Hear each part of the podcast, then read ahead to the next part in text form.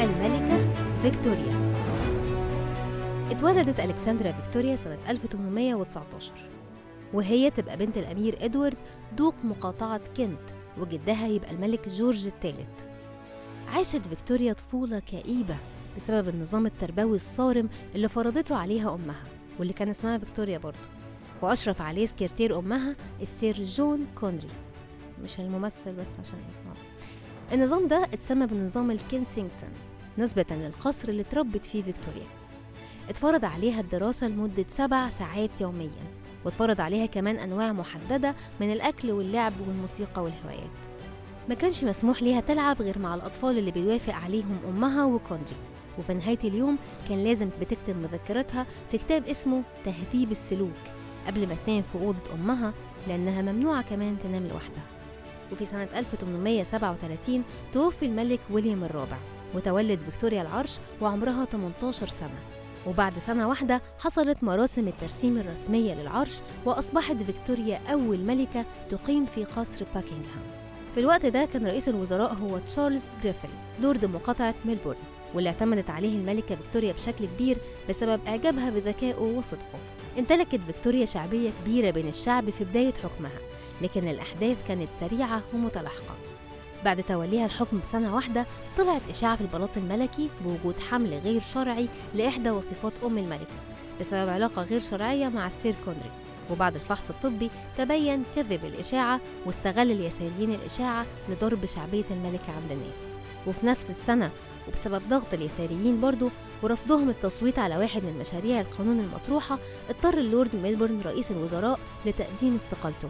وعينت الملكة السير روبرت بيل لكن حصلت أزمة اتعرفت بعد كده باسم أزمة الوصيفات لما حاول السير روبرت بيل إنه يغير أعضاء يمينيين في البلاط الملكي ويبدلهم بأعضاء يساريين من نفس اتجاهه الحزبي لكنه فشل بسبب معارضة الملكة فاضطر لتقديم استقالته هو كمان وبكده رجع اللورد ميلبورن مكانه كرئيس للوزراء. وفي سنة 1845 حصلت المجاعة الكبرى في أيرلندا وأطلق الشعب الأيرلندي على فيكتوريا لقب ملكة المجاعة.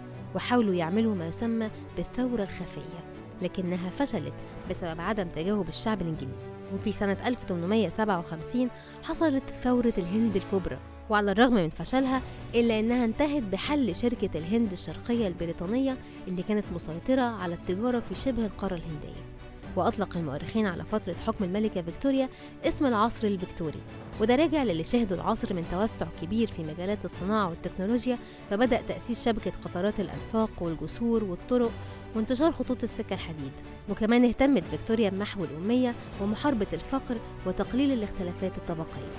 أما على الصعيد الدولي كانت فيكتوريا حريصة على إقامة علاقات قوية مع فرنسا وتوسعت الحركة الاستعمارية البريطانية لدرجة أن عدد رعايا المملكة وصل لأكثر من 400 مليون إنسان من حضارات وثقافات مختلفة حول العالم. وفي سنة 1840 اتجوزت فيكتوريا من ابن عمها الأمير ألبرت وخلفت منه خمس أولاد وأربع بنات.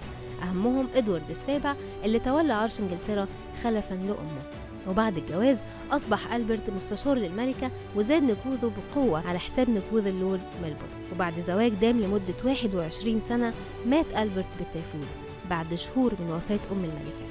ودخلت الملكة في حالة حداد وحزن شديدين استمروا لحد وفاتها. في ستينيات القرن ال19 ظهر في حياة فيكتوريا خادم اسمه جون براون. قربته منها بشدة واعتمدت عليه في إدارة شؤون حياتها الشخصية. كانت دايما بتمدحه في كتاباتها لدرجة إن طلع إشاعات عن علاقة رومانسية أو زواج سري بين الملكة وبراون وأطلق عليه بعض الناس لقب السيدة براون. بعد وفاة براون قامت فيكتوريا بتعيين هنود مسلمين في وظيفة جرسون للقصر الملكي. كان من ضمنهم واحد اسمه عبد الكريم.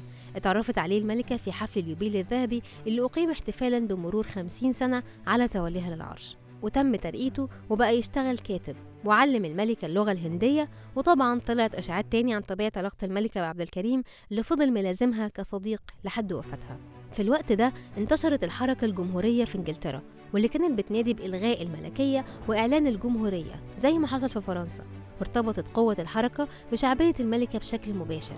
بمعنى إن لما كان بيحصل حدث كبير ومهم بيأثر على شعبية الملكة بشكل سلبي كانت قوة الحركة الجمهورية بتزيد والعكس صحيح. ومع الوقت توسعت الملكية الدستورية وزادت صلاحيات البرلمان والوزراء وتراجعت صلاحيات الملكة وأصبحت ملكية فيكتوريا رمزية أكتر منها سياسية. خلال فترة حكمها تعرضت فيكتوريا لثمان محاولات اغتيال.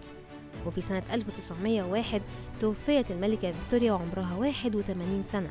بعد ما حكمت المملكة البريطانية لحوالي 64 سنة عشان تبقى تاني أطول فترة حكم في تاريخ إنجلترا بعد الملكة الحالية إليزابيث الثانية. كان معاكم مروة جودة. بودكاست أهو ده اللي صار